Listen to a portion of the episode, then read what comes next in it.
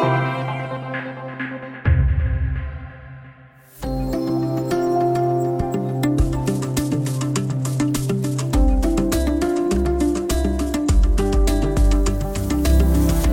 Hur väl förberett är Sverige på massvaccinering?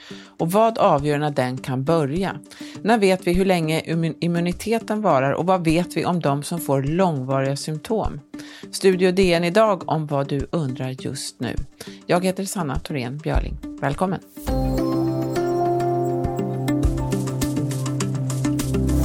Månad efter månad har vi återkommit till Dagens Nyheters medicinreporter Amina Mansour med nya frågor om vad vi först kallade för det nya coronaviruset och vad som nu oftare går under benämningen covid-19 eller sars-cov-2. Amina svarar alltid tålmodigt på aldrig sinande frågor. Välkommen Amina! Tack så mycket! Vi ska riva av några olika teman idag. Eh, Storbritannien har börjat vaccinera. USA börjar troligen också ganska snart. Eh, varför bör, verkar det dröja lite längre innan EU har ett sprutfärdigt vaccin? Jag skulle säga att det beror på att man har en process eh, inom EU som eh, EUs läkemedelsmyndighet, de granskar eh, all information och all dokumentation. Och de har sagt att det här vaccinet eh, inte ska få någon, eller det får ju prioritet, men det kommer inte få en kortare, vad ska man säga, process eller den kommer inte man kommer ta alla viktiga steg som måste tas. Så att man började den här processen redan i höstas. Så man gjorde en rullande granskning just för att vaccinerna ska komma ut snabbare. För ofta så tar det, vad ska man säga, kanske nästan ett år eller till och med lite mer. Men nu kommer man göra det på bara några veckor eller några månader då. Och Storbritannien har ju är ju på väg ur, ur EU i Brexit och de har valt eh, att använda sig av en särskild klausul som gör att man kan nödgodkänna ett vaccin. Eh, och USA har ju då sin egen process med FDA så att det är ju liksom de brukar vara snabbare FDA än EUs läkemedelsmyndighet. Men jag skulle säga att man jobbar så snabbt man kan och det kommer komma i, senast den 29 december kommer det första beskedet har man sagt. Pfizers och Modernas vacciner de tycks ju vara effektiva med en bra bit över 90 procents skydd. En del personer får biverkningar, oftast handlar det om till exempel huvudvärk. Några fall av till exempel all, några allvarligare saker, till exempel en ensidig ansiktsförlamning har rapporterats. Eh, vad vet man om det här? Det var FDA som släppte eh, massa information om eh, Pfizers vaccin då inför mötet. Ehm, och då såg man att det var fyra personer i gruppen som hade fått vaccinet som hade fått en ensidig ansiktsförlamning. Och det var ingen i gruppen som hade fått placebovaccinet som hade fått det. Men de kunde inte vara säkra på om det här bara var en statistisk slump för att det var inte statistiskt signifikant. Det kan ju förekomma i, vanlig, i allmänheten också så de kunde inte säga om det berodde det var inte vanligare än i allmänheten. Så att man kunde inte se om det var en ökning. Så att det, det är ju någonting som kan förekomma men i nuläget tror man inte att det faktiskt är kopplat till vaccinet utan att det bara var en slump. Just det. Och det kom alltså inför FDAs, eh, ett öppet möte som FDA ska hålla, inför, som är öppet för alla, som handlar om, eh, man granskar olika data kring de här vaccinen, eller hur? Stämmer det? Ja, precis. Alltså, när man, de har en liten annan process, men det man gör är att man har ett öppet möte och man berättar om fördelarna med vaccinet, med nyttan och effektiviteten och så går man igenom möjliga biverkningar och risker och sen gör man en bedömning om man rekommenderar ett godkännande eller inte. Just det. Förberedelserna för en massvaccinering pågår ju just nu för fullt i många länder.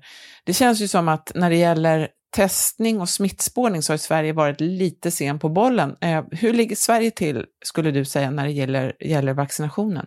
Alltså jag skulle säga att vi ligger nog ungefär likadant till som många andra. Eh, för att de som, det stora problemet i början kommer ju vara att få tillräckligt många doser. Eh, och att de kommer komma med lite ojämna mellanrum och man vet inte hur många man får. Så att jag skulle säga att alla regioner just nu håller på att planera. De tycker kanske inte att de har en så bra planering för man vet inte så mycket.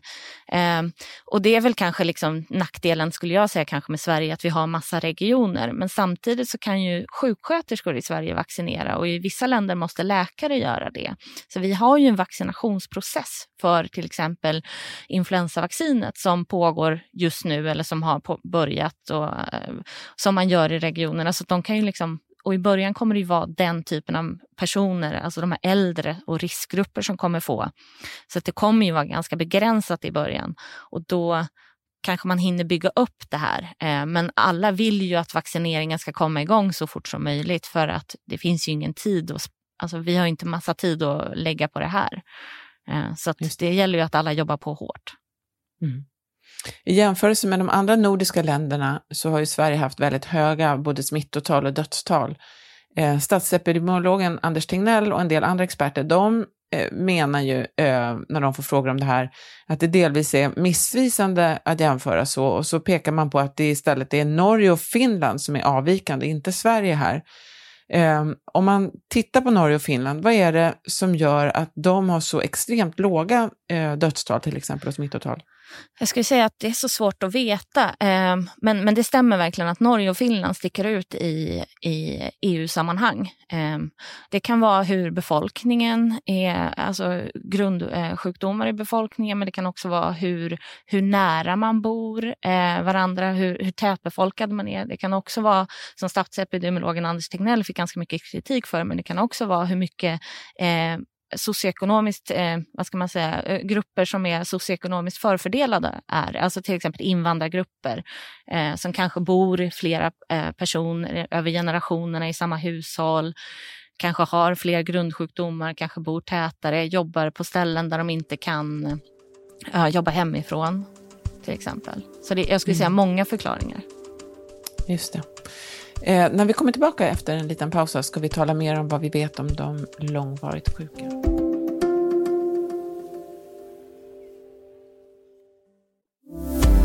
Vi har den stora nöjet att ha med DNs medicinreporter Amina Mansour och pratar om olika frågor som är aktuella kring covid-19. De flesta som smittas, det vet vi ju, blir ju inte särskilt allvarligt sjuka, eh, men några verkar ju få väldigt sega symptom som kan sitta i i flera veckor eller till och med månader. Vad vet man om den här gruppen nu? Man har börjat studera dem lite närmare. Mm. Jag skulle säga att man vet fortfarande väldigt lite. Eh, för att i början, som, som du sa där, så, så sa man att i stort sett alla kommer bli bra. Men sen har det visat sig att det finns de som blir väldigt trötta länge. Det finns de som får eh, låggradig feber som, kom, eh, som kommer tillbaka med jämna mellanrum. Det finns de som eh, har varit svårare sjuka som, eh, som har skador på kroppen, alltså skador på lungor och på hjärta. Eh, det, finns ganska, det är en ganska stor och blandad grupp skulle jag säga. Så att man har börjat titta på dem en del nu och sett att det är nog troligtvis flera olika typer av eh, symptom eller man ska säga syndrom här i. Liksom. Och en grupp kanske är de som har varit svårt sjuka och legat på intensivvårdsavdelning och de kan ju få skador på organ. Sen så finns det de som kanske inte alls har varit särskilt svårt sjuka eller bara varit hemma och eh, där kanske det finns mer en, så här, en trötthet och att liksom en, en slags inflammation har pågått i kroppen som man inte riktigt har fått eh, stopp på. Och man vet inte så mycket om det faktiskt. Eh, men man kan säga att så här, det man sett hittills är att de flesta blir ändå bra med tiden har man sett hittills. Men man vet inte, det finns några som inte har blivit bra efter tre månader. Och ja, man vet ju inte om det här kommer bli ett långvarigt, ännu längre eller om de kommer bli bra. För att det är ju så att efter en influensa till exempel eller efter en svår virusinfektion så kan man få ganska, man kan vara väldigt trött och medtagen ett tag. Mm. Men visst är det så att man har börjat samla ihop de här fallen och börjat granska dem mer systematiskt? Ja, det, dels så har ju eh, Statens beredning, eh, SBU, eh, har ju gjort en undersökning och tagit reda på hur ser det här ut. Eh, men sen finns det, det pågår en hel del studier på det här. Det finns en studie på KI där man börjar ja, men kolla vad har de för värden, vad är, liksom, hur mår de? Alltså man mäter också lite mer objektivt för det är en sak att berätta själv hur man mår men man vill ju också se, är det någon inflammation i kroppen som är förhöjd och så. Det hade man inte sett i en irländsk studie till exempel. Ja, just det. En del av de som drabbas också av det här verkar ju vara barn och barn brukar vi säga att det, de drabbas ju väldigt sällan allvarligt, men det finns ju barn eh, som också får en del sega symptom. Ja, alltså jag skulle säga att det är väl just det att eh, när det är så himla många människor som drabbas nu så att även extremt ovanliga saker kom, och symptom kommer att märkas. Det är ju inte säkert heller alltid att alla har symptom som beror på just eh, covid-19 eller viruset. Just för att det finns en del personer som, och då menar jag vuxna kanske mer, men som, som inte har haft ett positivt PCR-test eller ha, har antikroppar trots flera. Och de, de kan ju ha symptom som beror på någonting annat. Så man ska liksom inte utesluta andra sjukdomar hos dem eller annat. Eller kanske en utmattning hos vissa personer också. Om man, har en, liksom, om man inte har haft virusinfektionen. Just för att, vad ska man säga, det kan ju vara något annat som har någon annan virusinfektion eller eh, faktiskt också ibland kan det ju vara ångestsyndrom. Mm.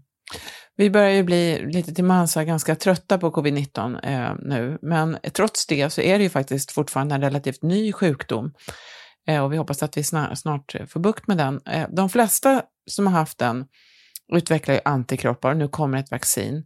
Men vad vet vi egentligen om hur länge den här immuniteten sitter i? Finns det någonting nytt där?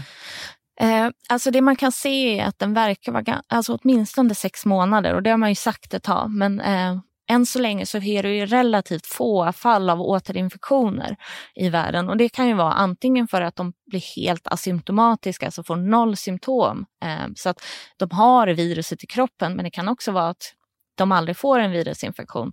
Eh, och det kommer vi få lära oss mer om. Eh, och det är till exempel så när det kommer ett vaccin nu så vet vi inte heller hur långvarigt det skyddet är. Eh, utan det här är ju sånt som det måste man ju följa människor över tid och de, de som haft längst, varit sjuka längst, det är ju bara ett år. Så att jag hoppas ju att kanske Kina kommer med en del, för de har ju några månader till av det här, så att de kommer med en del uppföljningar.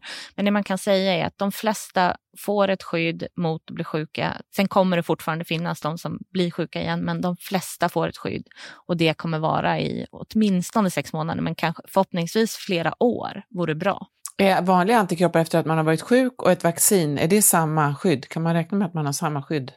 Det vet vi inte riktigt än. Jag skulle säga att eh, det beror på. Eh, jag tror att vaccin, ibland så är ju vaccin ett bättre skydd och ett längre skydd. Och det tror jag att det verkar vara så här. Så att, eh, men, men det får vi se helt enkelt. Mm. Och de flesta, eh, visst är det så också att de flesta som är med i sådana här randomiserade vaccinstudier som har varit försökspersoner, de är ju med i ett par års tid ofta, så man fortsätter ju följa dem ja. eh, nu trots att vaccinet är godkänt. Ja, och det kommer man ju göra. Alltså, minst ett år efter har man sagt att man ska följa dem för eventuella ovanliga biverkningar. Eh, men, men också att man vill se hur länge för räcker skyddet. Och eh, Svenska läkemedelsverket har också gett, äh, har fått i uppdrag att följa de som vaccineras inom, när vaccinet är godkänt. De kommer också följas under en längre tid just för att man vill hålla koll på skydd, eventuella biverkningar och annat som kan uppstå när man vaccinerar människor med ett helt nytt vaccin. Just det. Eh, jag blir själv ibland lite så här apokalyptisk och jag tänker att det kan komma Tänk om det kommer en, en helt ny pandemi innan den här ens är över. Eh, och det skulle ju kännas otroligt jobbigt. Men när vi pratade lite grann häromdagen så sa du att det är inte så himla sannolikt att, att det händer. Eh, varför inte? Nej, alltså pandemier kommer ju med jämna mellanrum och det är självklart att det skulle kunna komma en. För att alltså, jag menar, jag har haft fel så många gånger det här året så jag vågar inte ta, liksom, säga någonting med säkerhet. Men jag skulle säga att de kommer oftast med sådär några år eller tio, ibland är det 30-40 år emellan. Så att det beror ju lite på, men när ett virus cirkulerar då tränger det ibland ut lite andra infektioner. Att vi kan inte, det är inte så mycket som brukar cirkulera samtidigt. Och jag skulle säga att nu har man ju också koll på egentligen virusinfektioner hos människor generellt. Just för att vi testas. Så uppkommer ett nytt virus någonstans då kommer ju det troligtvis att hittas och upptäckas på ett annat sätt eh, mycket snabbare. Så i bästa fall så också de åtgärder vi gör nu gör ju att människor inte flyger över världen, vi reser inte mycket, vi umgås inte så mycket. Så att i bästa fall kan ju de här nya virusen då inte spridas så mycket just nu i alla fall. Nej, just det, så vi kan få lite respit, det kan man i alla fall hoppas på när det här är över. Um, en återkommande fråga handlar ju om munskydd. Uh, jag tänkte vi, vi, vi tar med den här också mm. eftersom mm. det är någonting som alla pratar om. Vet vi någonting nytt i munskyddsfrågan? Nej, alltså jag skulle säga så här, nej det gör vi väl inte liksom, men, men man kan ju fundera på över att ja, men, så som Folkhälsomyndigheten säger att ja, men, nej, evidensen är låg och den är fortfarande låg eh, Eh, för att det skulle göra någon nytta. Men det finns ju fortfarande så att man kan ju, när evidensen är låg och kunskapsläget är osäkert så kan man ju komma till olika, alltså, olika slutsatser. Eh, så att det, det är därför liksom det är en så stor tvistefråga skulle jag säga. Men jag har inte sett några nya studier som är de här stora avgörande. Eh, och det tror jag kanske inte kommer heller. Men för vi ser ju inte att det minskar i länder med st stark eh, användning av munskydd heller. Men man, det kanske kunde vara värre där, det vet man ju inte heller. Så att... ja. Okej, om ett par veckor så är det jul och mycket tyder på att smittspridningen kommer att vara fortsatt hög. Man har pratat ganska mycket om hur vi ska göra för att umgås under julen. Eh, och vad, vad, tror du, Amina, handen på hjärtat, tycker du, ska man alls träffa personer som är över 70 år eller i riskgrupp om man inte normalt bor med dem? Jag tycker att man ska fundera på så här, kan man isolera sig ungefär en vecka innan? Kan man dra ner på de flesta sina kontakter? Kan man resa dit på ett säkert sätt? Eh, till exempel i bil då. Behöver man umgås länge eller kan man bara träffas några timmar? Kan man ses utomhus? Att man verkligen ska fundera. för att det, alltså vi är ju sociala människor, vi vill ju umgås. Vi, vi har ju liksom hållit ut hela det här året och många kommer vilja fira jul. Och jag tror att det är svårt att säga till folk att fira inte jul. Jag tror att det är jättesvårt att säga det för då kommer vissa människor göra det ändå. Så det viktiga är att man gör det på ett så säkert sätt som möjligt. Men man ska säga så här, det finns ju träffar man människor över 70 eller människor i riskgrupp, ja men det finns en risk då. Eh, men man måste verkligen tänka efter och planera. Så jag skulle rekommendera folk att börja planera nu i så fall. Var utomhus, håll avstånd, eh, håll er friska allihopa. Tusen tack Amina. Tack så mycket. Studio DN görs för Podplay av producent Sabina Marmelakai, exekutiv producent Augustin Erba, ljudtekniker Patrik Miesenberger och teknik Oliver Bergman, Bauer Media. Jag heter Sanna Thorén Björling.